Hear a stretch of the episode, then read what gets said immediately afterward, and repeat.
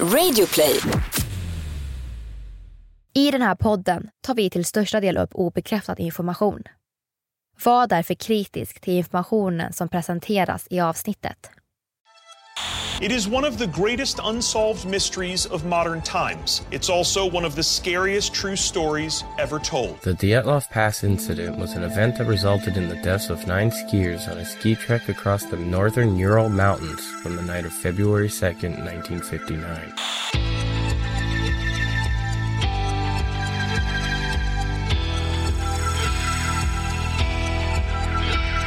Du lyssnar på konspirationsteorier.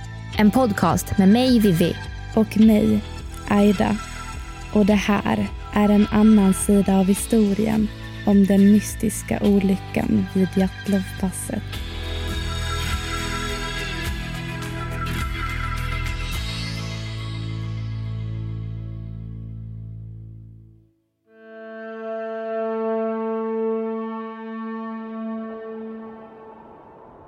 Det är en kylig vinternatt mellan den 1 och 2 februari år 1959.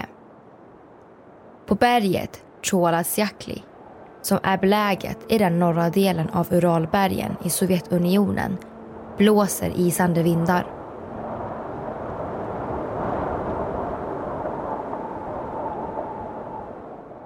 I luften är det omkring 15 minusgrader.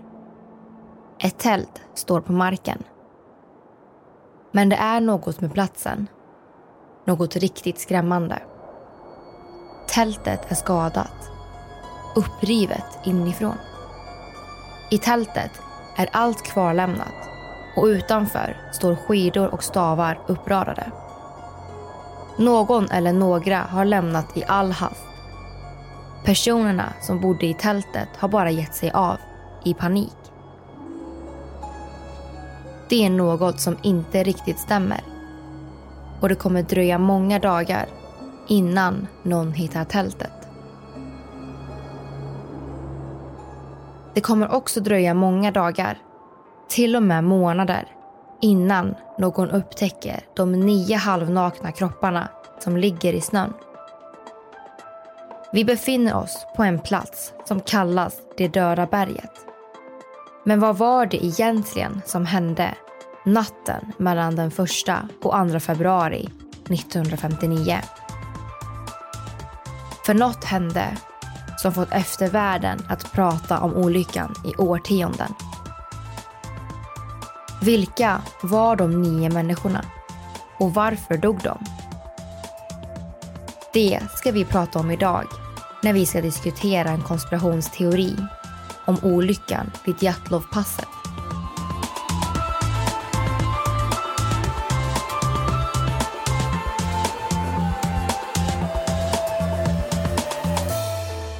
Det här är en podcast för dig som är intresserad av en annan version av verkligheten.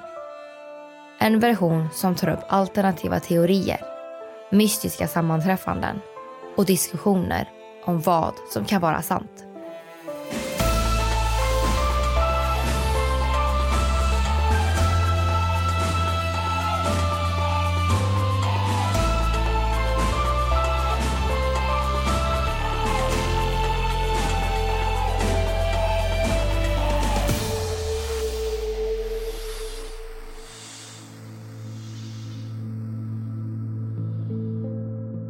Vi ska gå tillbaka till dagarna innan olyckan inträffade. Och historien har sin början morgonen den 23 januari 1959 när en grupp på tio studenter från Uralbergens tekniska högskola satte sig på ett tåg och begav sig ut på en skidresa. En 35 mil lång skidresa som skulle ta hela 16 dagar. Gruppen bestod av åtta män och två kvinnor där alla förutom Semyon var i 20-årsåldern. Semyon, eller Sasha som han också kallades, skulle fylla 38 år under resan. En riktig fröjd.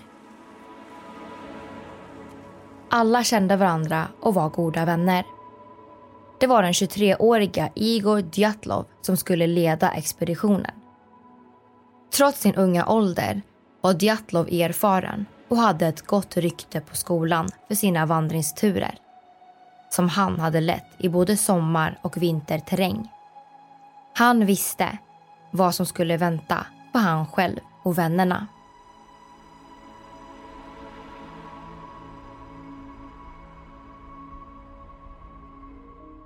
De andra i gruppen var erfarna skidåkare och förberedda på resan. Tanken var att vännerna skulle komma tillbaka lagom till nästa terminstart i februari. Det skulle vara tuff terräng på resan men de hade alla varit med om liknande äventyr. Det fanns ett system för vandringscertifikat i Sovjetunionen och tanken var nu att de skulle ta sig upp en nivå från grad 2 till grad 3. Det högsta certifikatet som gick att ta. Alla var riktigt spända och taggade. Efter denna tuffa expedition skulle de äntligen få sista certifieringen. År 1959 var ruttar av klass 3 de svåraste man kunde göra. Det krävdes enormt med mod och styrka att klara av de iskalla dagarna och nätterna på bergen. Men det skulle gruppen aldrig göra. Målet var att runda det rätt så avlägsna berget Otorten som ligger i slutet av ett pass. Ett pass som idag är namngett efter ledaren Igor Djatlov. Ironiskt nog betyder bergets namn Gå inte dit på voguliska mansispråket. Men resan började med glada miner i storstan Jekaterinburg där Dyatlov samlade alla kamrater innan avfärd. Längtan och glädje osade i luften. Snart skulle de ge sig av på livets skivexpedition till vackra Uralbergen. En tur till naturen gjorde alltid gott för själen. Speciellt med vänner som delade samma fantastiska intresse att åka skidor och övernatta i tält ute i det fria. Sen gav de sig iväg på en resa som vi aldrig kommer glömma. En resa som lämnat så många frågetecken och konspirationsteorier.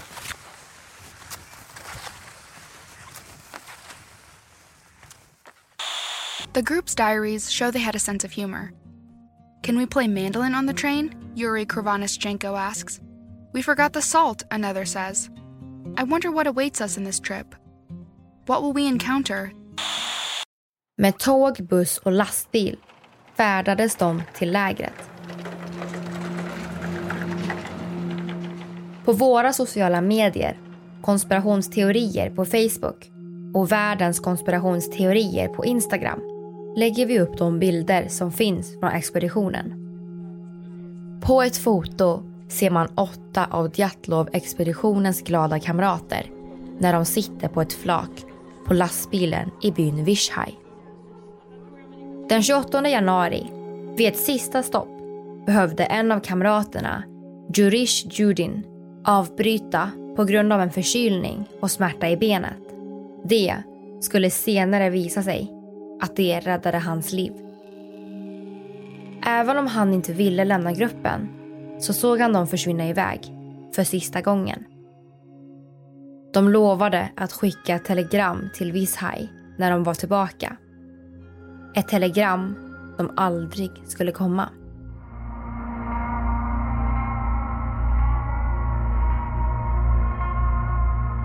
Någon gång i sista byn uppfattade en av kamraterna att byborna försökte varna gruppens ledare Igor Djatlov. Gruppen borde inte fortsätta.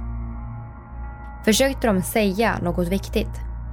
Expeditionen pågick i fyra dagar över frusna sjöar och vildmark.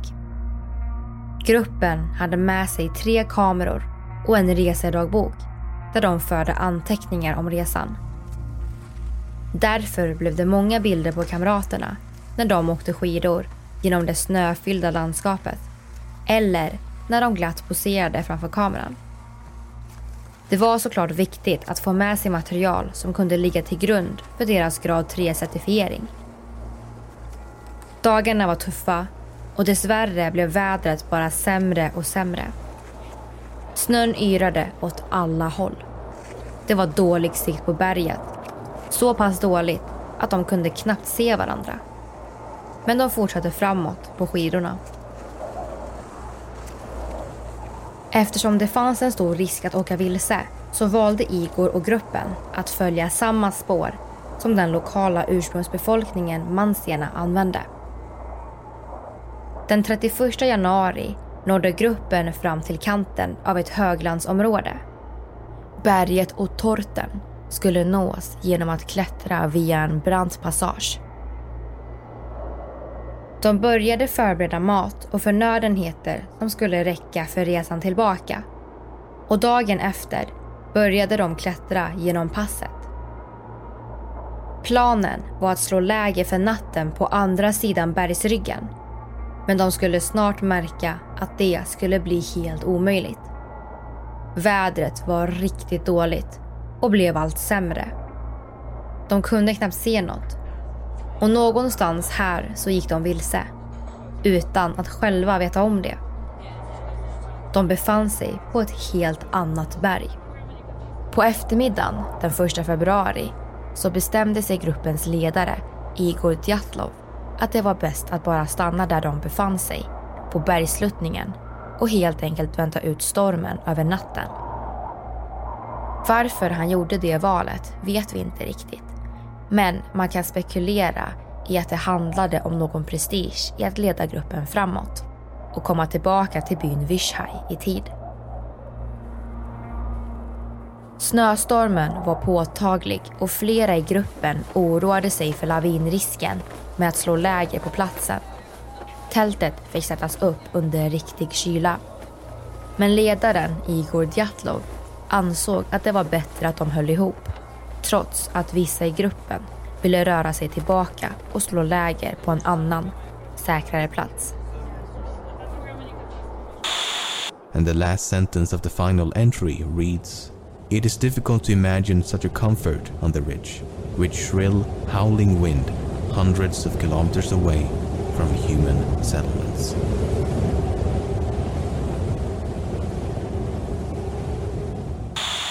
Nu befann de sig på berget Kola Tjaklul, bergsluttningen framför Otorten och det började bli mörkt. På mansis språk betyder namnet Choklad Tjaklul det döda berget. Även om det låter som ett riktigt skrämmande namn så var det den lokala befolkningen Mansis namn på en plats som man undvek i jaktsyfte på grund av att det inte fanns något liv på platsen. Men kvällen skulle fortfarande bjuda på mycket glada miner. För en av gruppens medlemmar, Semyon, fyllde 38 år och det skulle de givetvis fira. Gruppen kröp in i tältet, åt mat och försökte förmodligen sova några timmar. Men vad hände sen? Det vet vi inte. För det är här historien som vi vet tar slut. Och vi kan bara börja spekulera. Den sista bilden på kameran blev en hel svart bild. Vad den föreställer vet vi inte. Men det svarta möts av en exponering av ett ljus som kan vara vad som helst. Det är någonting med den här platsen som skrämmer alla. Och det verkar verkligen inte som att Igor berättar allt han vet. Han berättar ingenting. Och jag bara undrar vad syftet med den här resan egentligen är. Skriver Nikolaj, en i gruppen, i sin dagbok. Så vad var det som egentligen hände under natten mellan 1 och 2 februari år 1959? Det enda vi vet är att nio kroppar skulle hittas utspridda runt platsen. Tack vare deras kameror och dagboksanteckningar kan vi försöka pyssla ihop de sista delarna. Det var storm och den svarta natten gav inte något som helst ljus. Och någonstans under denna natt utbröt någon slags panik som gjorde att alla nio vänner lämnade tältet näst intill nakna. De gick ut i stormen och kylan på berget. Tältet lämnades helt upprivet. Som om någon försökt sticka därifrån i ren panik och skurit upp det för att hinna ut.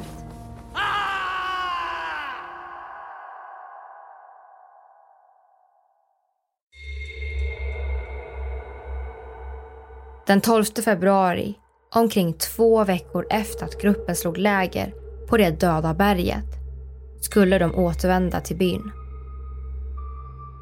Familjer, släktingar och framförallt Jurish Judin, som inte kunde följa med på resan, väntade på telegrammet från Igor och gruppen. De förväntade sig möta nio trötta och slitna skidåkare för att kunna gratulera dem. Men dagarna gick och gick. Ingen grupp skidåkare dök upp. Familjerna tog till slut kontakt med universitetet i en förhoppning att de skulle ha möjlighet att hjälpa till. Efter mycket om och men åkte en frivillig sökgrupp ut för att leta efter dem. Den formella efterspaningen startade den 20 februari och den 26 februari hittade en student tältet. Men det var något med platsen. Sökgruppen förstod direkt det var något som gått riktigt fel under resan. Speciellt när de hittade resten av ett tält, men inga skidåkare. Tältet var upprivet med en kniv och resterna var täckt med ett tunt lager snö.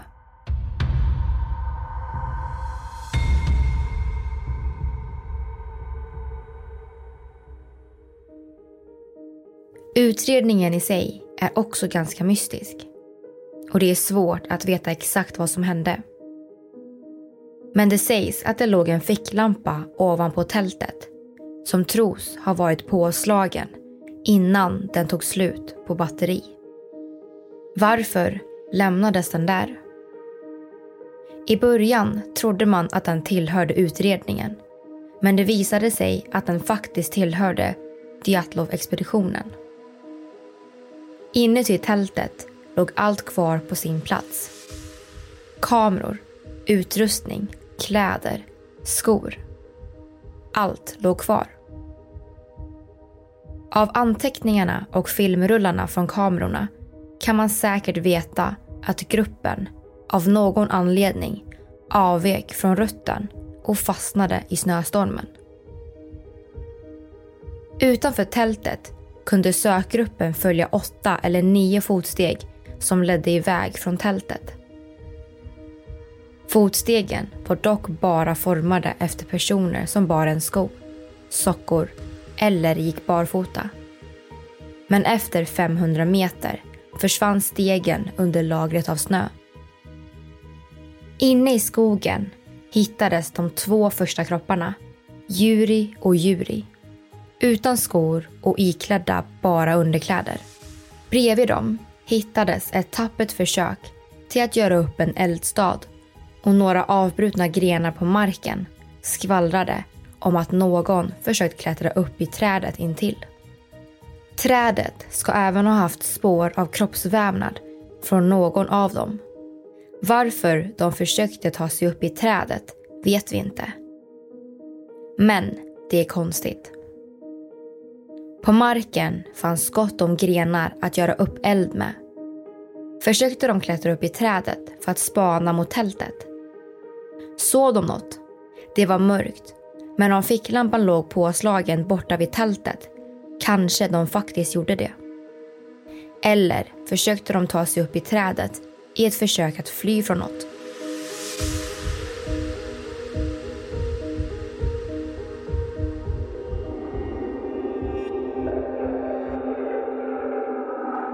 Några dagar efter att Juri och Juri hittades fick regionens kriminalinspektör Lev Ivanov uppdraget att leda den formella efterspaningen efter expeditionen. Däremot hade han fått i uppdrag att absolut inte undersöka ljus på himlen. Förmodligen då det skulle riskera att avslöja Sovjets missil och kärnvapenteknik. I närheten av bergen fanns nämligen militäranläggningar som inte fick avslöjas. Kalla kriget pågick och supermakterna försökte konstant hitta nya tekniker som kunde vara till nytta i krig. Vi kommer tillbaka till det här senare eftersom det gett upphov till en rad konspirationsteorier om utomjordiskt liv. Efter man hittat Juri och Juri hittade man ytterligare tre kroppar tillhörande Igor Djatlov, Sinaida Kolomogorova och Rustem Slobodin. De var bättre klädda, men det såg ut som de hade frusit ihjäl när de försökte ta sig tillbaka till tältet. Det konstiga med Igor var att han låg i en position där det såg ut som han blivit bunden vid vristerna. Men det är ingenting vi vet om det faktiskt stämmer eller inte. Det skulle dröja två månader innan resterande av Djatlov-expeditionen hittades. Begravda under fyra meter snö i en ravin omkring 70 meter från de andra. Tre av medlemmarna var bättre klädda vilket kan tyda på att de tog av kläderna från deras döda vänner för att kunna värma sig själva. Ljudmila hade exempelvis försökt värma sig i Juris byxor. Det konstiga var att obduktionen av kropparna visade att de inte frös ihjäl. De dog av våldsamma inre skador. Som om de hade blivit krossade av en enorm kraft. Men det fanns inga spår av skador på utsidan. De hade inte ens ett blåmärke på kroppen. Nikolaj dog av en mycket allvarlig skallskada. Och Ludmila dog av mycket svåra skador på revben och bröstkorg. Både Ludmila och Semyon, som bara några timmar tidigare firade sin 38-årsdag, saknade ögonglober. Och Ludmila saknade också sin tunga. När man testade Alexander och Juris kläder så visade det sig också att de hade förhöjda halter av radioaktivitet. En sak som var klar för utredarna från början var att det inte fanns några spår efter andra människor på berget. De enda som fanns där var ungdomarna från Djatlov-expeditionen. Kriminalinspektören blev fundersam och han kunde inte komma på någon bra anledning till varför det här kunde hända. Och då eldades konspirationsteorierna på. För han sa helt enkelt att deras död berodde på en framtvingad naturkraft. Sen hemlighetsstämplade de materialet och förbjöd skidåkning i området under hela tre år. Konspirationsteorin var ett faktum. Olyckan vid Djatlovpasset verkar inte kunna lösas genom några vettiga förklaringar. Vilket leder oss in på teorierna. Vad hände under natten mellan 1 och 2 februari 1959?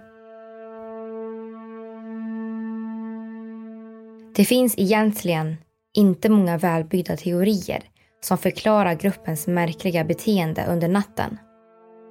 En teori handlar om att någon i gruppen blev galen och försökte ha ihjäl de andra. Vilket gjorde att gruppen flydde tältet, ut i kylan och stormen. Varför lämnar man annars tältet nästintill naken? Tältet var ju upprivet inifrån, som om någon försökte ta sig ut riktigt snabbt. Det finns däremot inget annat som tyder på att det skulle varit något bråk i tältet.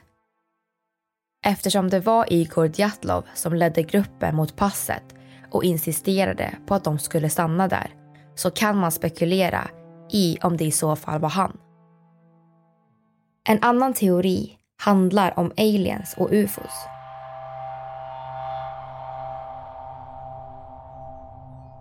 Flera vittnen runt om platsen hade berättat om lysande fenomen i luften. Bara ett år tidigare hade Sputnik 1 skickats ut i rymden och alla förde alltid blickarna uppåt. Vad gömde sig i rymden? Kriminalinspektören visste inte vad han skulle tro om ungdomarnas död. Utifrån högre order skulle han inte undersöka ljussken vidare. Men han blev till slut övertygad. De nio vännerna dog av ett utomjordiskt angrepp. Om man inte tror på utomjordingar kan det istället vara så att Diatlov-expeditionen såg något som de inte borde sett. Vi vet att det fanns militära aktiviteter i området och att Sovjetunionen hade några militäranläggningar i närheten. Försökte de fly från militären blev de rädda och sprang ut i snön av den anledningen. Kanske, kanske inte.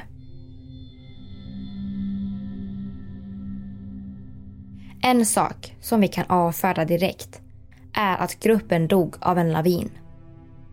Platsen de befann sig på var inte tillräckligt brant. Tältet fanns kvar, men bara ett litet lager snö ovanpå. Även deras skidor och stavar stod kvar, helt upprätt. Men det kanske var så att de blev skrämda och trodde att de hörde något som liknade en lavin. I så fall kanske de bara lämnade tältet och sprang ut i den iskalla natten. Och när de sprang ut ur tältet kanske några av dem ramlade ner för en ravin och fick sina inre skador på det sättet. Det är en teori som fått lite genomslag. Men varför syntes inte några yttre skador på kropparna? Och varför befann sig gruppen så pass utspridda runt platsen?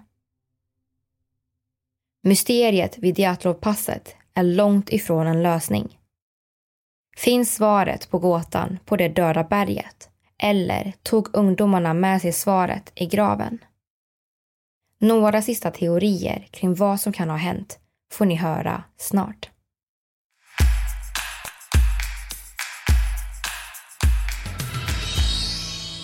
Hej och välkomna till en ny diskussion. Hallå allesammans. Och det här avsnittet är ju hur intressant som helst. Och mysteriet är ju fortfarande inte löst. Nej. Så vi tänkte faktiskt prata lite om just de här liken då. Mm. Och tydligen så finns det några förklaringar till varför några av dessa lik hade konstiga kroppsskador. För både jag och du tycker ju att det är lite konstigt att vissa i gruppen frös ihjäl och att andra dog av extrema kroppsskador. Ja, men exakt. Så exempelvis så kan ju de här saknade ögongloberna och att tungan saknades bero på att smältvattnet började tära på kropparna. Och sen när det gällde strålningen på kläderna så kan det bero på att just de kläderna tillhörde personer i expeditionen som var utsatta för högre strålningsvärden. Så att det är ju faktiskt någonting som går att förklara då. Mm. Men sen är det ju att själva tanken på att mäta strålningsvärden på ihjälfrusna kroppar, alltså i utredningen. Den tanken är ju lite märklig tycker jag, att man får för sig att göra det. Ja, man kan ju undra varför de valde att mäta strålning på ihjälfrusna människor. Det är ju kanske inte det första man tänker på när man inspekterar dem, tänker jag. Nej, alltså när man hittar människor som har dött på ett berg, varför vill man mäta strålning? Ja, precis. Sen så tänkte jag faktiskt ta upp lite fler teorier kring just den, det här mysteriet. Mm. Och den första teorin har faktiskt blivit speciellt omtalad av en person som själv ställde upp i efterspaningarna. För han har senare vittnat om att han och några andra hade sett konstiga ljus på himlen kring berget då. Och det skulle ju faktiskt kunna tyda på att det fanns något i himlen. Ja, alltså tänk om det faktiskt finns eller fanns ufos där. Jag vet inte om jag just själv tror på det, men om man faktiskt tror på alltså liv i rymden, aliens, ufos eh, och sånt, så alltså varför inte? Då Ja. kanske de hade någonting med det att göra, vem vet? Ja, nej men det låter ju inte så trovärdigt. Tycker inte jag i alla fall.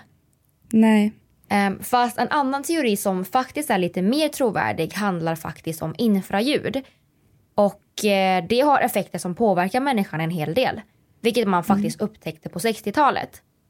Och sånt här ljud förekommer alltså i naturen genom exempelvis jordbävningar och stormar. Så exempelvis när en stark vind möter något trubbigt så kan då det här inträffa. vilket det då fanns eftersom att de var på berget. Så lågfrekventa infravågor kan alltså göra att man mår dåligt, att man känner obehag och får psykiska problem. Och i det här fallet så skulle det alltså kunna ha varit så att någon i gruppen har gått ut i stormen och ja, begått självmord Mm. på grund av då de här ja, men, infravågorna.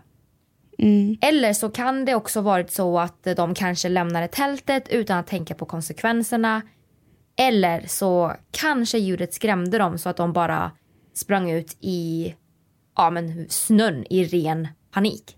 Ja, alltså det här skulle ju kunna ligga som en förklaring till varför de bara lämnade tältet i bara underkläder. Och sen jag menar om man blir lite förvirrad så det är klart att om alla var rädda så kanske de splittrades åt olika håll för att de försökte fly. Några sprang in i skogen, några gick iväg, hittade inte tillbaka, ramlade ner i en ravin kanske. Nej, gud att de var liksom förvirrade. Ja, men jag vet inte riktigt vad jag ska tro på när det kommer till det här mysteriet. Vet du, eller har du någon teori så eller? Alltså jag tror kanske att eh, de började frysa eller jag vet inte, att de kanske blev rädda eller någonting. Så att de började gå ut och trodde liksom att det var varmt, att det var varmare. Mm. Eh, att det var därför kanske de inte hade kläder på sig eller att de, det eller att de försvann från tältet i rädsla. Mm. Och att de sen inte hittade tillbaka för att det var så himla himla mörkt. Och eh, då så började de ta på sig kläder från deras kompisar som frös ihjäl. Och sen så de som dog av skador, alltså invändigt utan blåmärken. Mm. Det vet jag inte om det kan ha varit att de förvarades på något sätt i snön så att det inte blev något skada. Jag vet inte. Ja, men jag tänkte på det när du sa att eh, de försökte hitta tillbaka. Det skulle ju faktiskt kunna förklara det här med att en av medlemmarna då i den här expeditionen faktiskt försökte klättra upp på ett träd för att kanske Mm. hitta det här tältet då för att de hade ju en ficklampa på. Det skulle kunna förklara det. Ehm, Och de, an- de andra hittades ju faktiskt i riktning mot tältet. Så att de frös kanske till, alltså ihjäl då när de hade varit iväg någonstans och sen försökt vända tillbaka så att de ville kanske hitta hem. Precis, och det går ju väldigt fort när man väl är ute där att ja, men din kroppstemperatur blir väldigt, väldigt kall efter ett tag. Ja, eller så kanske de vände tillbaka, de som hittades mot tältet, för att faran var över. Men de säger också att när man, när man fryser ihjäl, att den sista stunden i ditt liv, innan du liksom ja, men somnar in, då känner du dig jättevarm. Så då klär man av sig. För man tycker Ja, att det är jätte, men- jättevarmt. Så det, jag tänker så här, i och med att man hittar dem i underkläder, om det var något sånt. Fast då hade de ju för sig sett att de hade klätt av sig kläderna. Och det kanske inte är någonting. Ja, jag tänker också. För att några som var i, eh, och nu vet jag, vet jag inte om jag minns rätt här, men typ de som var eh, de som hittades i den här rav- ravinen eller liksom under snön, de hade typ kläder på sig från de som var i skogen. Så att, eh, jag vet inte om de tog av sig kläderna i tältet eller om de gick runt och yrade runt, runt platsen och eller att de andra kom och hämtade kläderna vid trädet. Alltså jag har ingen aning. Jag vet inte riktigt hur det går ihop. Ja, nej det här är ju ett mysterium.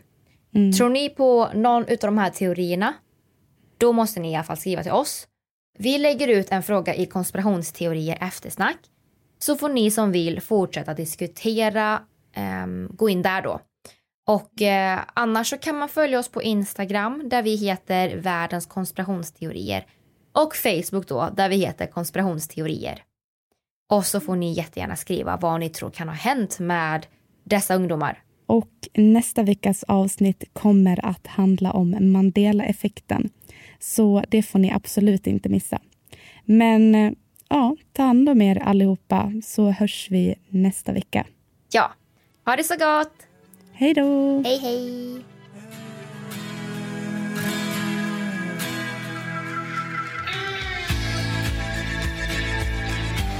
Du har lyssnat på podden Konspirationsteorier som gjordes sommaren 2020. Vi som har gjort programmet heter Vivian Lee och Aida Engvall tillsammans med redigerare Jenny Olli. Källorna hittar du på Facebook.